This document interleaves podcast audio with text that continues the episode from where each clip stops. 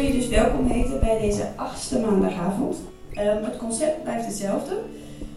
Tom zet uh, de stoelen klaar. Ik vul de bar aan. Uh, stof de pintjes af. Dat moet sinds de zomer, want die hebben op de gang gestaan en zijn nu allemaal heel stoffig. Uh, Ron koopt chips. Zet de beamer aan. Hanneke print de reservaties uit. De muzikant. Vanavond Mauro Paroski, die test de versterker. Freek en Rebecca die ijsberen over de gang. Totaal onaanspreekbaar, omdat ze in hun hoofd nog hun teksten aan het herschrijven zijn, grapjes toevoegen of opnieuw beginnen. En dan gaan de deuren open. Dan komen jullie langzaam binnen, druppelsgewijs, met sjaals om en mutsen op, want het is eindelijk koud geworden. Jullie hangen je jas op aan een haakje, wat me altijd doet denken aan de basisschool met jassen en geen tassen in rijtjes naast elkaar. Dan eten jullie soep. Deze keer met lettervermicelli. Hebben jullie dat gezien trouwens? Je moest goed opletten, maar er zitten letters in je soep. Um, omdat namelijk deze maandagavond gaat over taal. Dus daarom letters in je soep. Dan uh, kletsen jullie wat met elkaar. Totdat Ron het licht uitdoet, jullie een plekje zoeken. En ik het kleinste podium van Antwerpen opstap en jullie hartelijk welkom heet. Eén ding is alleen niet hetzelfde. Ehm, ongetwijfeld een groot gemis. Namelijk de afwezigheid van oma Suus. Oma Suus is namelijk deze zomer, zoals het hoort, in een mensenleven op stokoude leeftijd overleden. In haar slaap heel rustig. Iets te vroeg wel, want zo zei ze zelf tegen de verpleger een paar uur voordat ze stierf dat ze eigenlijk nog een paar filmpjes moest maken voor haar publiek in Antwerpen. Ik heb oma Suus in de laatste dagen van haar leven beloofd dat ik geen vervanging zou zoeken dat ik geen audities zou houden voor dames van 90 plus. en dat met haar leven dus ook de rubriek zou eindigen. Wat haar echt waar vervulde van schitterende trots. Voor zover oude ogen van 96 kunnen schitteren. Dat wil dus zeggen dat de filmpjes waarin ze ons vanuit haar elektrisch bestuurbare relaxed stoel in haar appartement in Tilburg, en hoe ze ons vertelt hoe de wereld eigenlijk echt in elkaar zit, dat die filmpjes er dus niet meer zijn. Wel kan ik jullie vertellen dat haar betrekking bij de nieuwe tijd, zoals ze haar maandelijkse interviewklus met ons noemde, haar enorm gelukkig heeft gemaakt. En bij deze wil ik jullie en de Vlaamse overheid bedanken dat de maandagavonden bestaan. We staan trouwens open voor suggesties, uh, voor nieuwe rubrieken. Um, een filmpje dat ons maandelijks programma uh, een bijdrage kan leveren voor ons maandelijks programma. Ik dacht bijvoorbeeld aan de barman van uh, Café Babbel hier op de hoek, die uh, volgens mij elke dag café-ruzies tussen dronken mensen met uh, opgeheven barkrukken uit elkaar moet houden door bijvoorbeeld tussen te gaan staan. Ik dacht dat hij misschien wel iets kon vertellen over hoe de wereld in elkaar zit. Of mijn nichtje van vijf leek me ook een optie, die graag met me praat over het verschil tussen jongens en meisjes. Wat op dit moment een hot topic is. Maar goed, uh, zolang er dus geen oma is van boven de 90, sta ik open voor suggesties. Je kunt die uh, meedelen of opschrijven op het suggestiebord in het toilet. En ik verzeker u dat ze met aandacht gelezen zullen worden. Oké, en dan nu over naar vanavond. Maandagavond nummer 8. De eerste nieuwe maandagavond van het seizoen. Een seizoen waarbij we ons een heel seizoen lang gaan bezighouden met de vraag: hoe lang duurt het? Omdat wij alle drie, Rebecca, Freek en ik, het gevoel hebben dat deze maandagavonden uitermate geschikt zijn om hierbij stil te staan. Of gewoon sowieso om stil te staan. De tijd heel even stop te zetten. En iets langer dan gewoonlijk mogen nadenken over hoe dingen in elkaar zitten. Met in ons achterhoofd dat jullie morgen vroeg op moeten, dus dat het tot tien uur gaat duren. Maar goed, daarom hebben we besloten om van deze maandagavonden een reeks te maken. Een reeks die verder gaat dan enkel het feit dat ze in aantal zullen optellen. We willen de tijd hebben, de tijd om met jullie een seizoen lang het te hebben over hoe lang iets duurt. Hoe lang duurt het om een taal te leren, waar het vanavond over zal gaan? Hoe lang duurt het om een gedachte op te schrijven, een oceaan over te steken, ergens goed in te worden? Hoe lang duurt het om te weten wanneer iets voorbij is en of het goed geweest is of niet goed? Hoe lang duurt een wandeling? Hoe lang duurt, hoe lang duurt het voor je het beste brood kunt bakken? Hoe lang duurt het voordat je iets begrijpt? Voordat je piano kunt spelen? Voordat je iets opgeeft? Hoe lang duurt een conflict? Hoe lang duurt leven? Hoe lang duurt een dag? En hoe lang duurde het voor het vandaag werd? Elke avond een ander thema, andere gasten, andere muziek, andere soep. En mogelijk in mij, bij de laatste maandagavond, het gevoel dat we samen iets hebben meegemaakt. Iets dat zeven maanden duurde en we allemaal ergens diep van binnen weten hoe lang dat was. In een verbazend groot kasteel woonde een hele rijke freule met 110 man personeel en met een tuin van hier naar Keulen.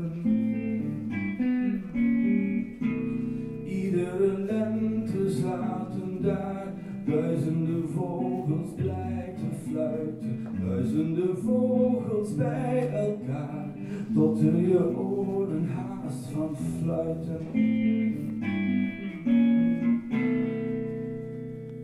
En als het zwinters koud en guur, hoefde de freule niets te ontberen, want ze had volop licht en vuur en kasten vol met warme kleren.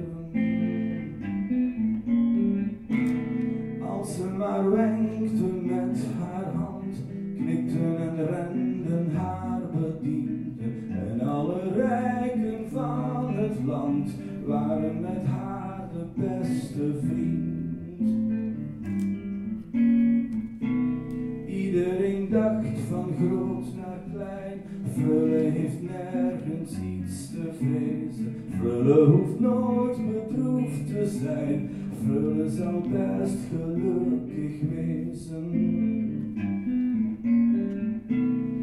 Zo dachten allen in het rond, ook alle knechten en lakeien. Enkel haar kater en haar hond hoorden haar s'nachts soms zachtjes schreien.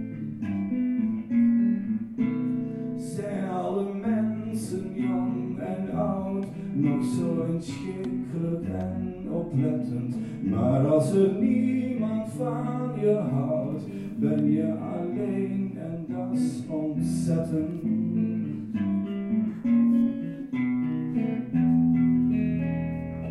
Een tijd geleden eh, vertelde iemand mij, eh, Jonathan Jefferson was dat.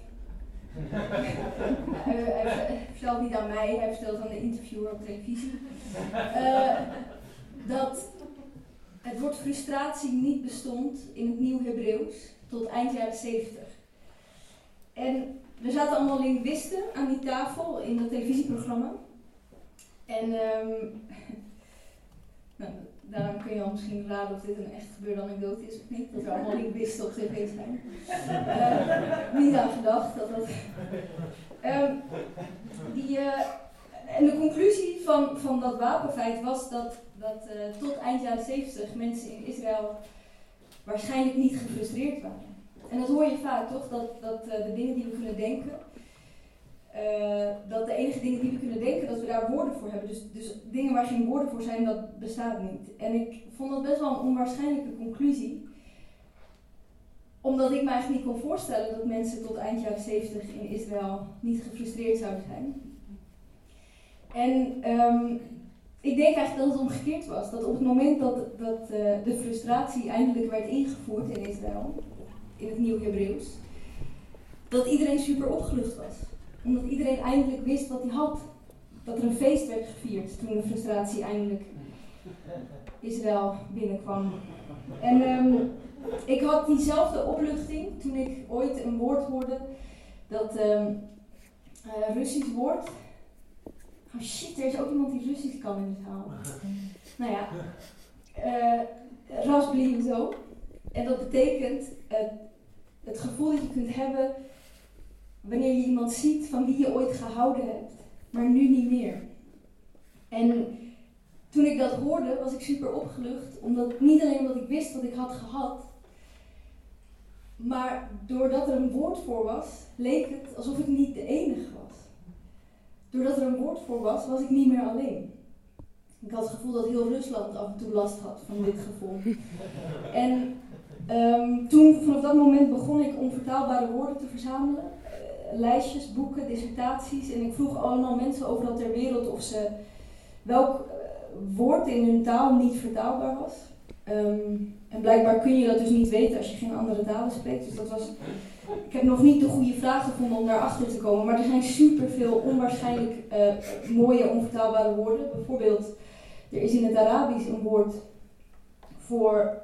Um, ja, heet het. Ik spreek het waarschijnlijk verkeerd uit, maar het betekent jij begraaft mij. En het wordt bedoeld als ik hou van je. Ik hou zoveel van je dat ik niet zonder je kan, dus ik wil dat jij mij begraaft. Er is in het Japans een woord voor de omvang van het herkennen van een vallei door naar een kleine vogel te luisteren die in die vallei zit. echt, ja. Nou, ik zei net shit van dat Russisch, omdat ik um, heel lang gedacht heb dat het echt waar was. En alle Russen aan wie ik het vraag, die kennen het niet. Dus daarom. Maar ik heb dus heel lang gedacht dat het wel waar is. En uh, er is een woord in het Filipijns voor het moment tussen twee mensen die niet durven actie te ondernemen. En ik vermoed dan zoenen, maar dat weet ik niet. Er is een woord in het Japans voor de manier waarop het licht door de bomen valt. In het Fins voor de afstand die een rendier kan afleggen zonder pauze te nemen. En dat wordt uh, gebruikt als meeteenheid. Dus, uh,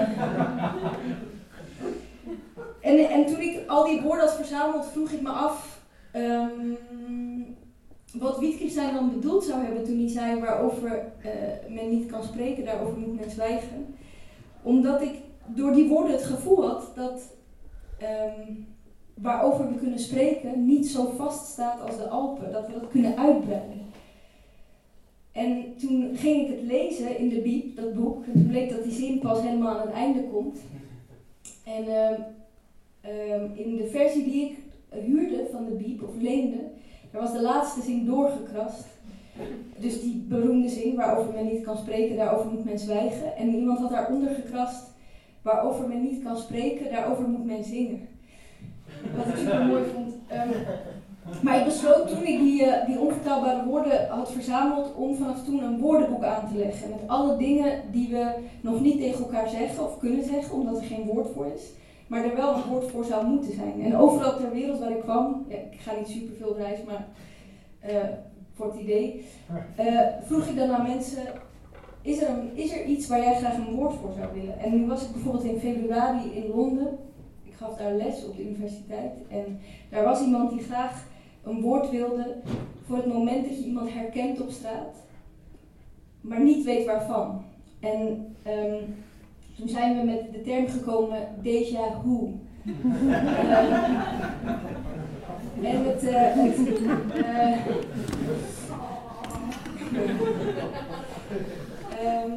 um, het, het, het, ken je waarschijnlijk wel als je iemand op straat probeert te passeren, maar je beweegt elke keer dezelfde kant op, waardoor je zo op straat tegenover elkaar staat te swingen. Uh, dat heet de pavement shuffle. De, het gevoel dat je nadat je super vol zit alsnog een toetje kunt eten. Uh, de, ja, de dessert stomach. Het moment, ja, dat zullen jullie ongetwijfeld ook wel kennen, dat je een boek hebt gelezen dat je heel, veel, heel erg is geraakt en je kijkt op en je ziet dat de wereld onaangeroerd is gebleven eigenlijk. En die persoon die wilde dat graag literary solipsism noemen waar ik het zelf nog niet helemaal mee eens ben. Maar in ieder geval, um, en deze week heb ik, ben ik in Antwerpen, heb ik hetzelfde gedaan met de uh, aankomende schrijvers. Uh, heb ik nog eens aan dat woordenboek gewerkt. En uh, de gemiddelde leeftijd was acht van die schrijvers. Um, ik dacht, je kan niet vroeg genoeg beginnen met het, het verspreiden van de blijde boodschap. Dat je taal kan uitbreiden, dat je taal kan maken.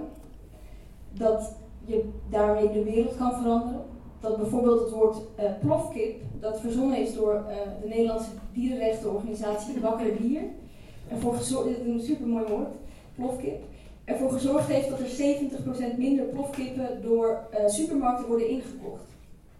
En we hadden het daarover, Suus, Freek en ik vanochtend, en toen zei Freek, ah ja, inderdaad, je, met, met woorden kan je inderdaad de wereld veranderen. Bijvoorbeeld het woord untermensch heeft de wereld heel erg veranderd. Het woord dobberneger zorgt ervoor dat de asielwetten in Europa steeds strenger worden. Freek is iemand die het niet kan nalaten om uh, vrijwel structureel in elke gelegenheid de holocaust ehm, op te brengen. Um, daar is hij ook voor in te huren.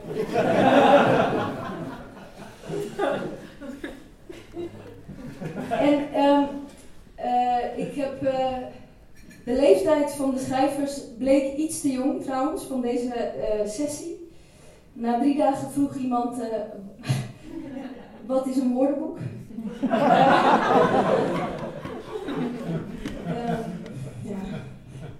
En ik kon niks anders zeggen dan een boek met woorden. Dus uh, dat was dan alles in feite.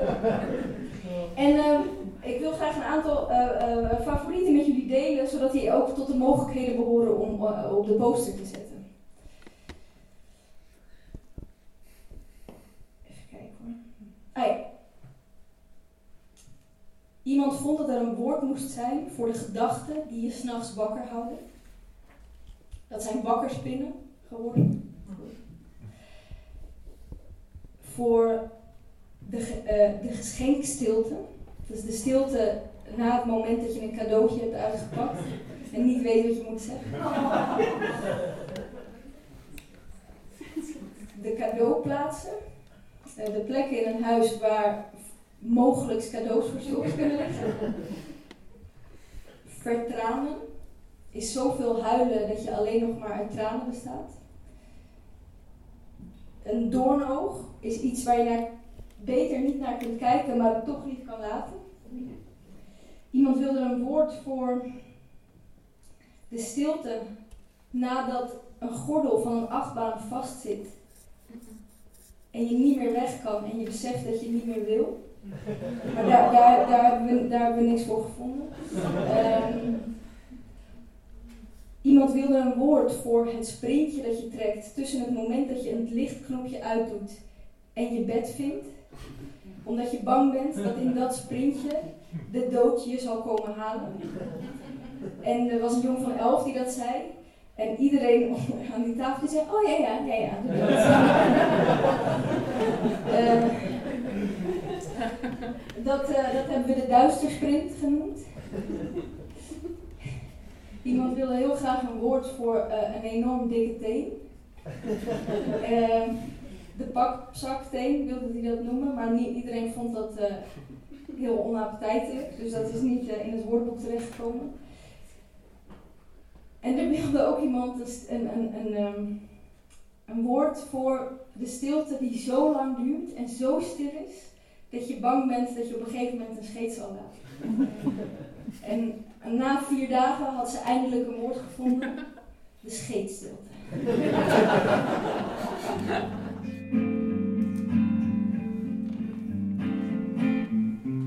Onfortuinlijk meisje, Anneliese Michel.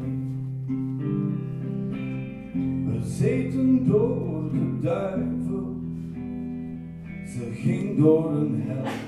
Anneliese Michel.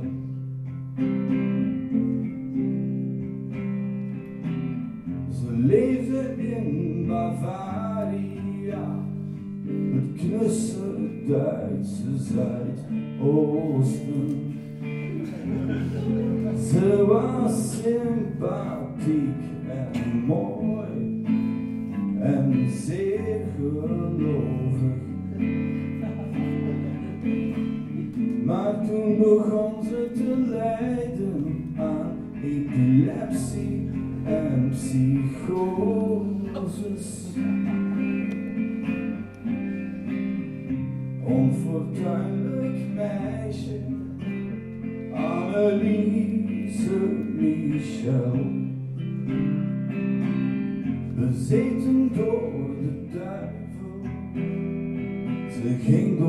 Hel.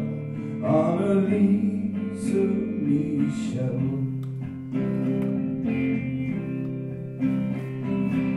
Haar ouders waren overtuigd dat dit het werk was van demonen.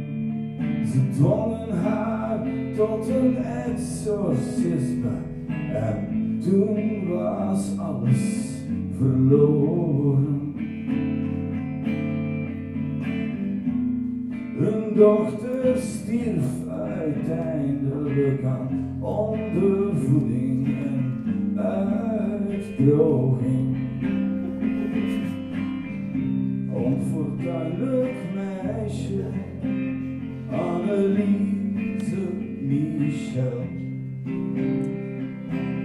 Bezeten door de duivel, ze ging door een hel. Anneliese suddicia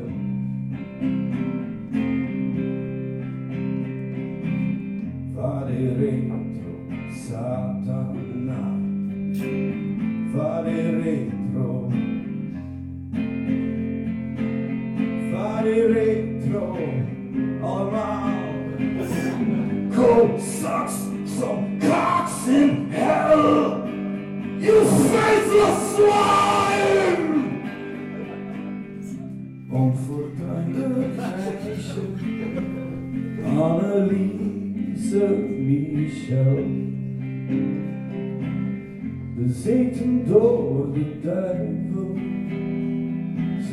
Door een hel. Anneliese, Anneliese. Anneliese Michel. 1 kilo kamer. Je ziet er ontzettend moe uit. Dat is waar ik. ik ben aan het werken elke dag, dus uh, het komt goed. Ja, ik wil Gareth is een theatermaker die aanstaande vrijdag in de Monty in première gaat gaan. Stuk aan het maken. Ik heb de een doorloop gezien afgelopen vrijdag. Super bijzonder. Heet Bagdad. Je komt ook uit Bagdad. Ja. En je bent in 2008 vanuit Irak naar hier gevlucht. Ja, ik niet. Ik ben niet zo. Ik heb uh, Irak achtergelaten in uh, 2006. En, en, en is er wel een verschil tussen, tussen, tussen uh, gevlucht en gekomen? Of is het? Ja, ik weet het niet. zeker is er een groot verschil tussen de twee woorden. Um, ik denk ik ben meer gekomen dan gevlucht. Um, dat was nooit mijn bedoeling om gewoon, uh, ja, ik weet het niet. Nooit bedoeling om ik heb nooit gedacht, eigenlijk is mooie vraag, maar ik heb echt nooit gedacht, is er een verschil? Ja. Uh, wat, wat denk je eigenlijk? Of wat, wat is er verschil? Nou ja, gevlucht heeft iets van moeten en komen is iets van beslissen. Okay. Ik denk alle twee komt samen. Ik beslis en dan ben ik ook uh, vluchten naar omdat van de situatie zelf. En weet je wat je besloot toen? Ja, eigenlijk toen ik was klein, uh, ik heb dat droom om, uh, ik, ik, was een beetje bang om door de, op dezelfde plek. En door zo veel film te zien, ik wou gewoon graag naar de gaan. En dat is ook gewoon de oorlog of zo. En uh, ik heb ook broers die waren buiten, ja, Bagdad in Irak, dus ik, ik ken deze manier van iemand die gewoon weggaan. En uh, ik wil altijd dat doen. Ik vind het een beetje lastig om het hele leven in Bagdad te zijn. Je wou altijd al weg uit Bagdad? Ja, gewoon de wereld gaan zien. Zoals het ik moet dat doen? Ja, ja, ja. ja. En, en, en wou je ook België zien? Nee, als je nu gaan lachen. Ja.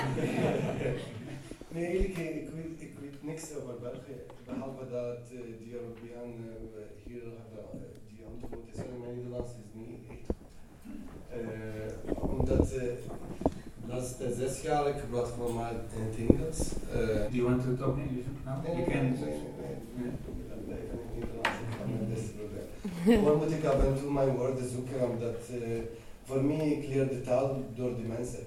En als ik praat in het Engels met die mensen, dan ik leer meestal Engels. Als ik begin in het Nederlands babbelen, dan ik leer wel Nederlands babbelen als Antwerpen wordt, maar ik is goed. Ja. De, de voorstelling die, die, uh, die je gezien hebt, die begon eerst met een dans. Ja. En, en daarna ging je over in het Nederlands en toen zei je, sorry mijn Engels is niet goed genoeg, ik ga verder praten in het Engels. Ja. En uh, in welk van die drie talen voel je je het comfortabelst? Eigenlijk uh, geen enkele taal. Je voelt je in geen enkele taal comfortabel? Nee, um, Ja, momenteel beste Engels, omdat ik heb juist afgestudeerd en ik heb gestudeerd in het Engels en dus ik moet ook, ik spreek vaak in het Engels. Maar ik, ik ben dyslexisch, dus alle drie talen is niet zo sterk bij mij. Uh, ook dat niet, je ook dyslexisch? Ja. dus als nu bijvoorbeeld als een Arabisch kunnen praten, moet ik een beetje tijd hebben om die Arabische woorden terug te kennen. Uh, dus ja, taal is de manier van spreken en denken. En als je denkt niet bij die taal, dan is het uh, een beetje ver. Dus Arabisch voel ik een beetje ver. Nu is taal Engels dichtbij. Oké. Okay. Is, is dyslexie in Arabisch iets anders dan in het... Dat is echt een grapje. ja. ik, wist niet dat ben ik dyslectisch, toen ben ik naar Antwerpen gekomen. Uh, echt waar. En het bleef tien jaar en toen ik heb een, een Belgische actrice ontmoet. En we waren even babbelen en zegt, uh, ah ik ben dyslectisch, ik, heb, ik kan niet de taal zo goed. En ik zeg, wat zeg jij? Ze zegt, ik heb dyslexie. En ik heb geen, ik ken dyslexie, deze woord echt niet. echt waar. En dan zij begint te vertellen wat betekent dyslexie, dat is een beetje traag, die letteren mixen en dan je kan lezen. En ik voel, ik, ken dat, en dat heb ik zelf. En dan ik ging zelf naar die Google, naar Google. en ik heb gedekt dyslexie. Ik heb ook die meisje gevraagd om die echt de juiste te zeggen. Ik wil het zo goed te schrijven. Dat is zeker maar dyslexie. En dan ik heb beseft dat eigenlijk in Arabisch, in Arabisch, in Arabisch taal is niet bestaat. Nee. Je kent het niet. Er is er geen studie over. Uh, niemand kennen is gewoon niet bestaat. Uh, dus is er geen studie of onderzoek. Is, is er in het Engels, in het Nederlands. Je had een Rus ook in de zaal, toch? Die wat in het Russisch kon? Of even werd dat verzonnen tijdens? ook in Hebrew bijvoorbeeld, is niet zo lang geleden, tien jaar of zo, begonnen die. Maar uh, in Arabisch nog altijd moest. Ja, grappig. Ja. Denk je dat het, wat, wat denk je ervan? Denk je dat het wel bestaat uiteindelijk in, in Zeker, maar dat, ja, ik voel het ook zelf en ik heb ook gelezen, uh, dyslexia begint toen je kind. Bijvoorbeeld mijn uh, pronunciation is heel moeilijk. En ik was toen ik kind, mijn pronunciation, mijn oh ja, uitspraak. Oké. Okay. die, en ook je, toen ik was, tot, uh, tot 11 jaar of zo, ik zeg niet alle Arabische letters. Het was een keer moeilijk voor mij, ik zeg een andere letter. En dan de leraar begrijpt niet waarom ik zeg een andere letter. En hij probeert echt zo boos zijn tegen mij. En altijd, ik weet het niet, is er iets mis, ik voel dat ben ik niet zo doen. Maar nog altijd, ik kan niet goed schrijven of zo. En ook, je wordt af en toe verlegen, bijvoorbeeld om die sociale code niet echt begrijpen. En dan als je dat niet weet, dat is echt een probleem, omdat je bent gewoon, je voelt dat je bent niet echt uh, normaal of zo.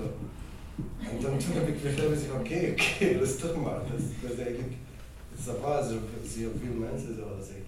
Nou, en nu dan wel echt goed Nederlands kunnen spreken. Ja, tien jaar, je kunt mij verstaan, wat de meesten wel niet. nee, ik heb heel alles verstaan, dat is voor zeker. Hoe, hoe, uh, hoe, hoe, hoe, gaat dat? Hoe, hoe, hoe doe je dat?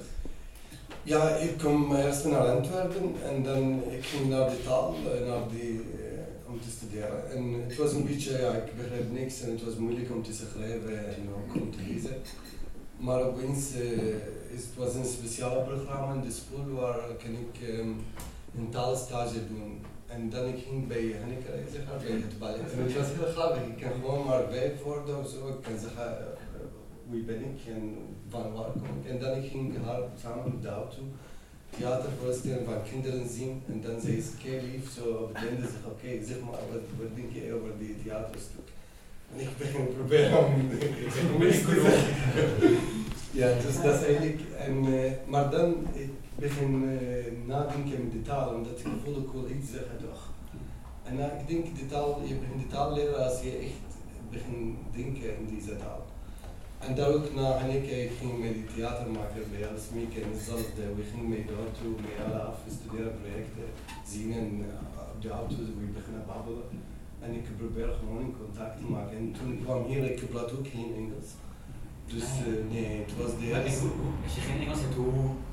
Want zij iemand kan niet Arabisch, hoe kom je dan van Arabisch naar Nederlands? Of is dat net aanwijzen en... Ja, ik heb wel eh, de basis van Engels gestudeerd in, eh, in eh, Bagdad en Irak. En ik heb zoveel film gezien. Dus eh, ergens de taal, de Engels is in mijn hoofd, maar ik heb nooit gebruikt. Dus toen ik kwam hier, ik durf niet om te zeggen ik wil een ticket naar Brussel of zo. In het Engels, omdat ik wil de, de, taal, taal ken ik niet. Maar Dat na, betekent in Brussel al bijna hetzelfde in het Engels. Dus dat- ja, maar ik ken het niet in Engels en niet in eh. Nederlands. Dus moet ik altijd iemand vragen om te helpen of. Dat is de eerste maand. Ja.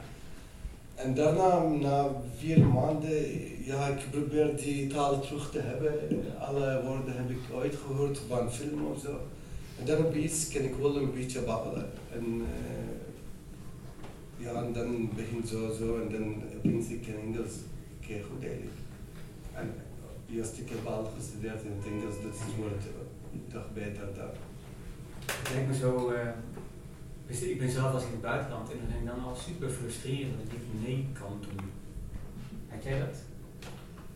Ehm, ja, maar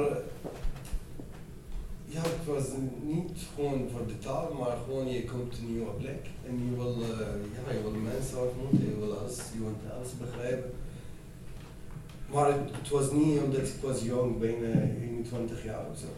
En eh, ik voelde daar wil ik gaan leren. En eh, ik, ik ging ook elke dag naar theater te kijken. En eh, Nederlandse theater, Belgische theater, Vlaamse theater.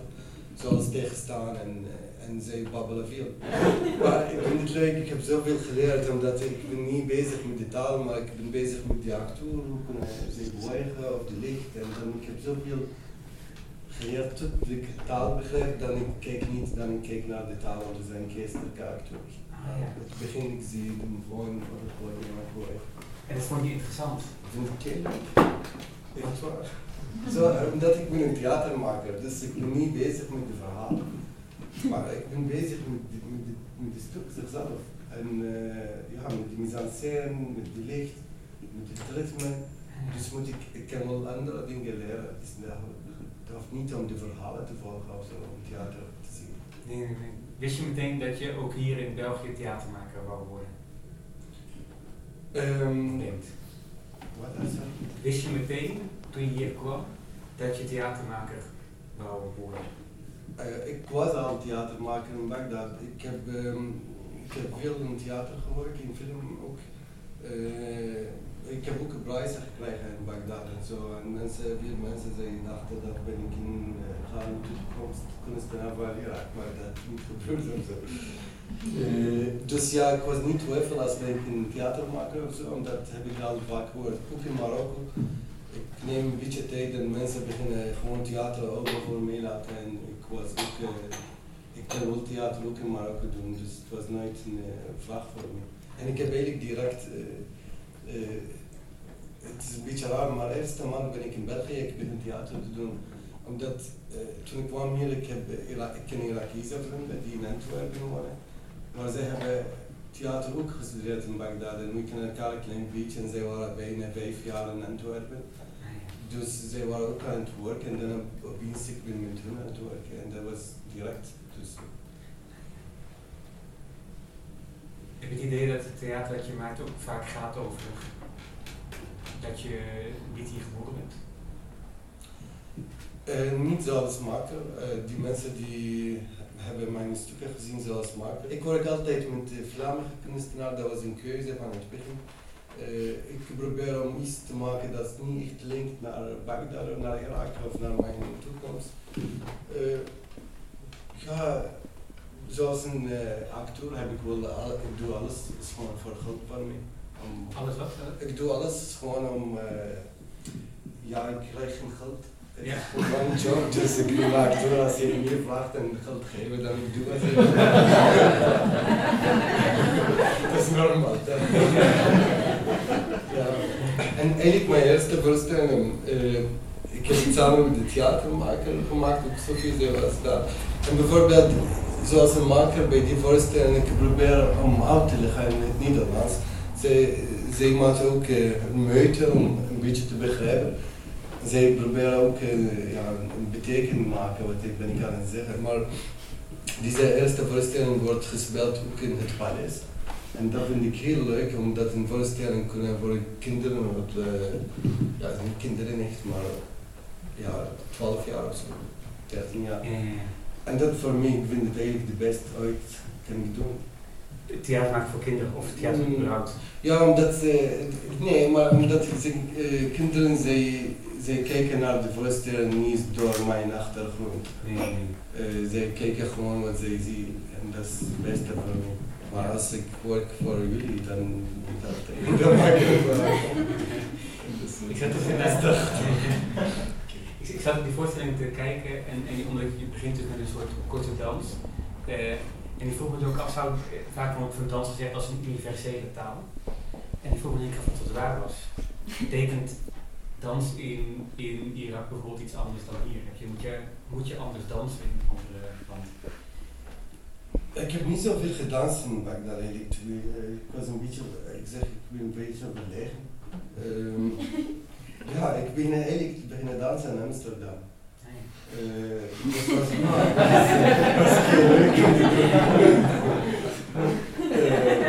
Ja, is er ook niet zo. Ja, ik dans af en toe zeker, maar in Amsterdam, ik, ik heb wel veel gedanst. en hoe leer je een dans? Taal? Zeg maar, hoe, hoe, hoe, Daarom ik dans niet zoveel, omdat ik ken uh, niet specifiek dansen of zo, maar ik, ik vind het leuk om gewoon gewoon te bewegen eigenlijk. Gewoon de muziek te horen en dan uh, bewegen met je lichaam. En dan uh, bij bijvoorbeeld de techno music, dat is heel goed voor mij, omdat ik kan niks volgen, ritme, maar twee samen, dat, dat gewoon, ik laat mezelf los. Uh, sowieso, het is zeker dat dans is internationale taal, omdat je kijkt niet naar je moet die woorden niet begrijpen, maar je kijkt naar het lichaam en je begrijpt het lichaam van elkaar heel goed, omdat we zijn dezelfde mens. Dus... Uh, maar het is wel andere cultuur, want je kijkt wel weer je bril van je cultuur naar. Dus als je in éénzelfde dans zou doen, je zou die hier in Antwerpen, daarna zou je die in Peru doen en daarna in, in, in, in, in Bagdad of in, denk je dat dan de mensen in de zaal hetzelfde zien? Ik vraag niet om misschien expert ja. ik vraag omdat ik geïnteresseerd ben wat jij daarover zegt. Ja. Ja, dat weet ik niet. En, uh, nee, zeker de omgeving, uh, die maakt hoe jij dingen zien anders. Dus, maar dat betekent niet, je danseert en de mensen gaan jou dans daar niet begrijpen of zo. Dan zij gaan begrijpen dat je bent aan het dansen en zij begrijpen als je danst agressief of niet. En dus zoveel informatie zij krijgen, is er toch een beetje verschil. Ja. Maar af en toe dat verschil is niet erg. Nee. Ja. Nee. Ik, ik, heb, ik heb hiervoor in, in voorbereiding dit interview ook een beetje gelezen over uh, hoe moeilijk het is om een taal te leren. En, uh, en toen heeft heel lang op mijn voorbereiding groot het woord mannentepels gestaan. en, uh, en dat is namelijk dus een taalkundige term het is echt waar, voor, uh, um, voor dingen die wel bestaan, maar die geen nut hebben. en, uh, en blijkbaar de, de moeilijkheidsgraad van een taal, of die, hoe leren, wordt afgemeten aan hoeveel soorten mannentepels ze hebben. En bijvoorbeeld een voorbeeld van een Nederlandse mannentepel is het verschil tussen de en het. Dat je, die bevat geen informatie of het het meisje is of de tafel. Dat de of het heeft geen informatie, maar je, ze bestaan wel, ze hebben ook geen ritme, dus je hebt ze gewoon allemaal uit je hoofd leren. Ja. Hetzelfde voor verleden tijden. Verleden tijden. je allemaal uit je hoofd leren. het was een beetje raar voor mij, zoals in Arabisch, mijn Arabisch, mijn moedertaal. En in Arabisch is altijd zo'n logisch. En uh, we moeten altijd weten waarom. En is er altijd een, uh, en in het Nederlands in de, in de, in de les vraag waarom moet je dat. En,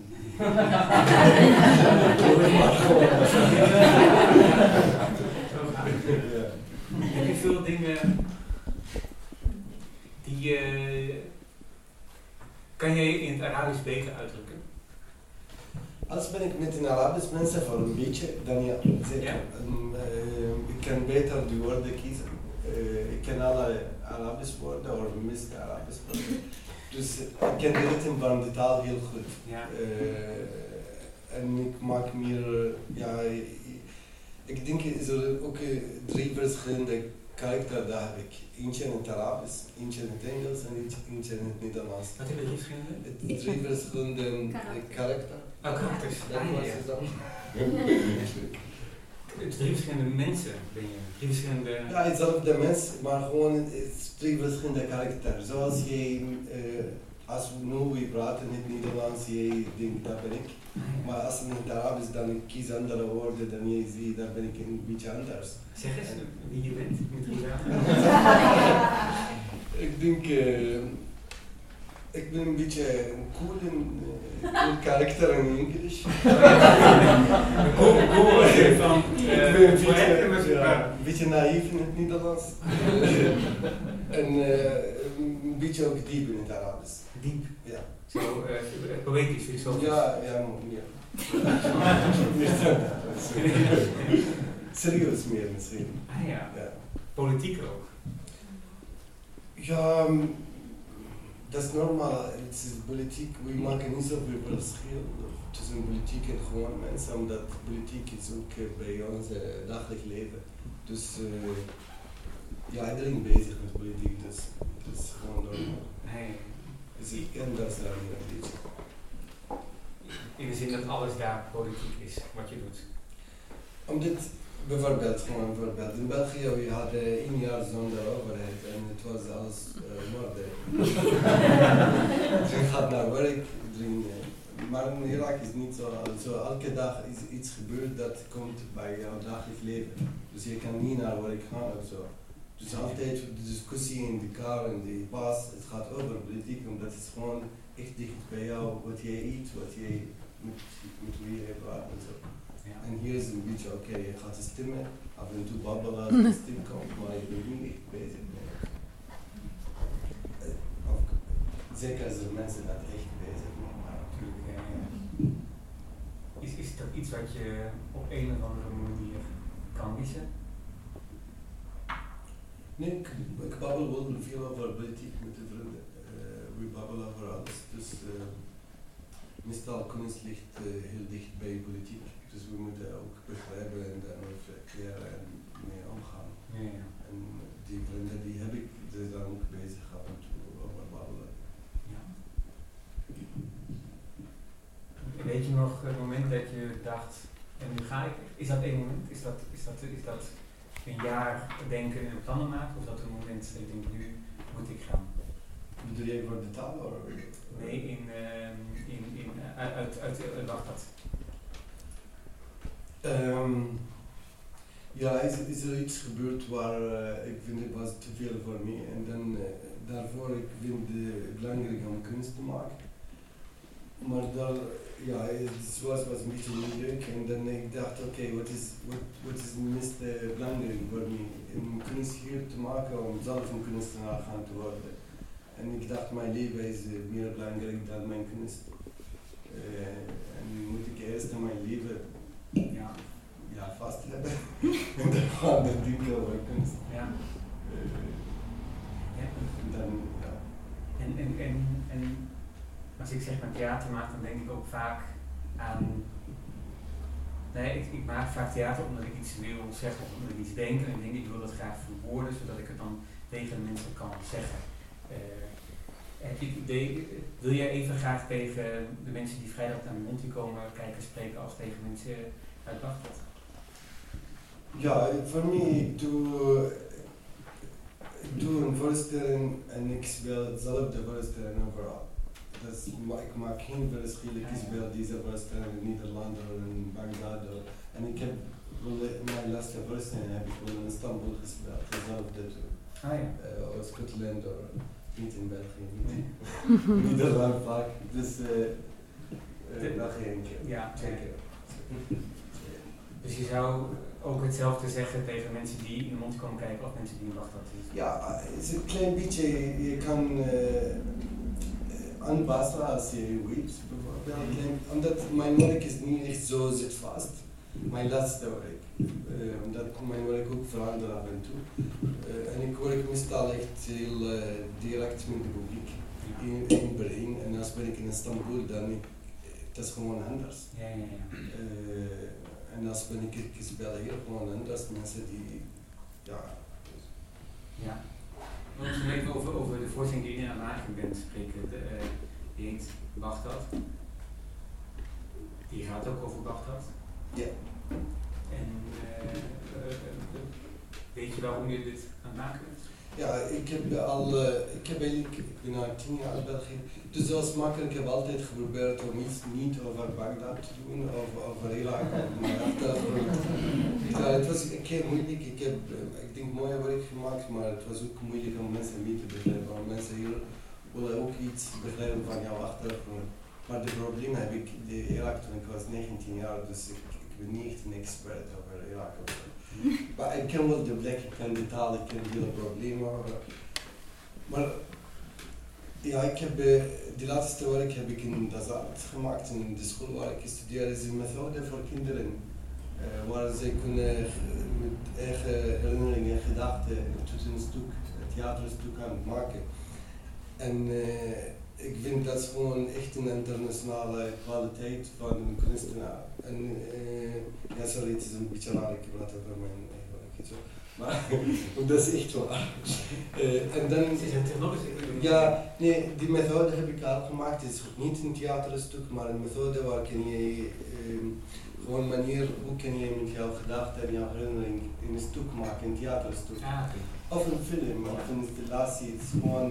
eh, Een- Een metho- methode is het, ja. ja, een methode van denken eigenlijk. Ja. Eh, maar ik zeg een theaterstuk omdat ben ik een theatermaker, dus ik kan wel gewoon uitleggen hoe kun je een theaterstuk afmaken. Eh, en dan, ik, ik, zie- ik zie ook, is er een Nederlandse performer die workshop geven naar Belgische kinderen of naar Nederlandse kinderen in mijn methode. Ja. Dan heb ik gezegd, oké, dat is- zit vast, dat is mijn werk. En dan nu wil ik iets maken Bagdad of zo. Omdat ik vind het eigenlijk heel belangrijk om, om iets te vertellen over dit plek. Omdat ik denk, ehm, we zijn, ja, we leven in de nieuwe tijd. We zijn in de nieuwe tijd. Eh, dus onze leven echt, is samen. Dus als iets gebeurt, wordt die hele agressie die we hebben in Europa en alle problemen, het komt omdat wat is er gebeurd in Bagdad. Dus we zijn gewoon, ja, we zijn gewoon samen. Je zegt iets in Bagdad en je kan hier lezen. Eh, ik vind het echt belangrijk, waar, omdat ook wat is er gebeurd in Irak is not, niet gewoon Amerika gaan naar Irak, maar de hele wereld. Amerika, Europa, Russia, Russia. Eh, en eh, die ook Turkije, Iran en alles is in Irak. En ze zijn aan vechten in Irak. Dus ik denk ze. Ja, het is een laboratorium Ja. voor meer. Ja. Dat niet alleen over Irak gaat, maar ook over hier en over hoe mensen zijn. Dan. Ja, ik denk ehm, de stuk bedoel je. Ja, ja, ja. Ja, dit stuk gaat over alles. eh, het is een beetje om. Ik heb geprobeerd om die manier van thuis en in nacht te doen in deze stuk. Eh, niet in de zin van die romantic eh, verhalen, maar in de zin van die verhalen tussen verhalen, verhalen. Dus je gaat eigenlijk in dit stuk zo. Ja, En af en toe je wordt ook je niet begrijpt wat is er gebeurd. ja. En je gaat even missen, maar dat is oké, omdat je moet niet alles begrijpen. Dit was de podcast van de achtste maandagavond. Opgenomen op 6 november 2017. U hoorde teksten van Suzanne Grotehuis en Rebecca de Wit. Freek Viele interviewde Enkudu Khaled en de muziek was van Mauro Pavlovski. Ik, Xandri van de Besselaar, heb het opgenomen en gemonteerd. U kunt de podcast terugluisteren via de website www.denieuwetijd.be slash podcast of op de Soundcloud van De Nieuwe Tijd. De maandagavond is elke eerste maandag van de maand, telkens om 8 uur in de Sint-Paulusstraat 23. De volgende is op 4 december. Meer info vind je op www.denieuwetijd.be.